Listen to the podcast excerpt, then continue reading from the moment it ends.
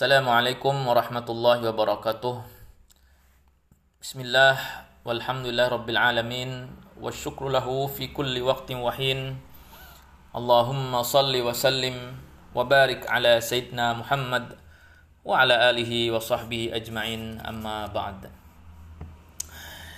النبي بتاعنا كان بشر بيتكلم زينا ما كانش ملاك النبي بشر زينا وبيغلط بس إيه؟ بس ربنا عصمه من الذنوب.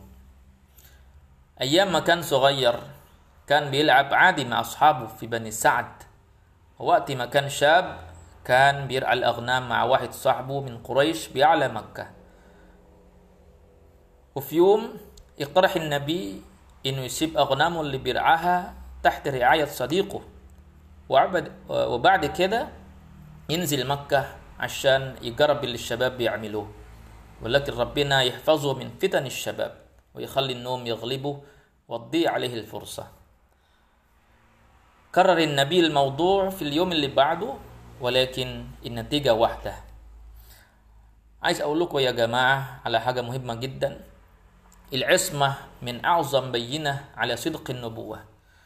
ربنا قال عن الرسول صلى الله عليه وسلم وما ينطق عن الهوى. يعني إيه؟ يعني مش بيقول اللي على هواه أو مزاجه. إحنا بشر يا جماعة والله وكلنا بنغلط عادي جدا مش حاجة عيب. يعني اعترف بغلطتك واعتذر وحاول ما تكررهاش تاني. مفيش حد معصوم من بعد النبي الكريم صلى الله عليه وسلم.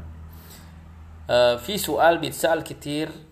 ليه ربنا عصم النبي صلى الله عليه وسلم من أي حاجة وحشة؟ خليك دايما فاكر إن سلوكيات الداعية في حياته اليومية تأثيرها بيكون أكبر من تأثير ألف موعظة وألف درس وألف خطبة. اللي بيسمى داعية أو شيخ أو عالم دين لازم يبقى عنده وقار ومهابة ويكون بيتكلم بسماحة بس ما يبقاش بيجامل ويتنازل على حساب ثوابت الدين. الداعية أخلاقه في حياته الخاصة والعامة ما يتجزأوش.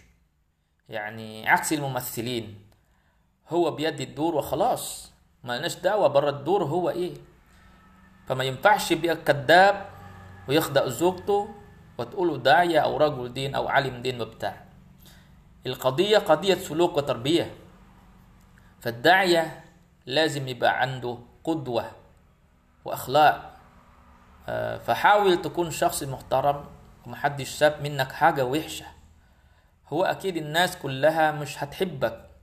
في ناس هتكرهك وفي ناس مش هتحب تعاملك. بس المهم خلي شخصيتك كويسة ما تخليش الناس تكرهك وتكره الدين منك.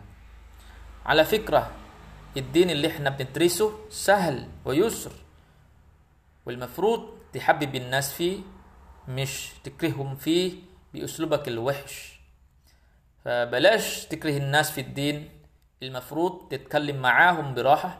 اللهم اغفر لنا ذنوبنا ويسر لنا أمورنا. وربنا يهدينا ويهدي الجميع. والسلام عليكم ورحمة الله وبركاته.